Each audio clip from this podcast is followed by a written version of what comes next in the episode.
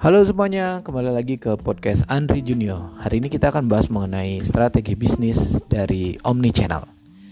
Nah, ada yang tahu nggak Omnichannel itu apa? Nah, Omnichannel adalah strategi pemasaran dengan menggunakan berbagai macam media platform, baik itu secara online maupun offline.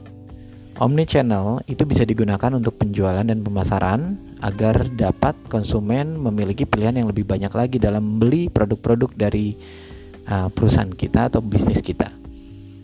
Online itu sangat penting saat ini karena kita sudah masuk ke dalam era digitalisasi di mana semua konsumen ingin dimudahkan dalam proses penjualan atau pembeliannya.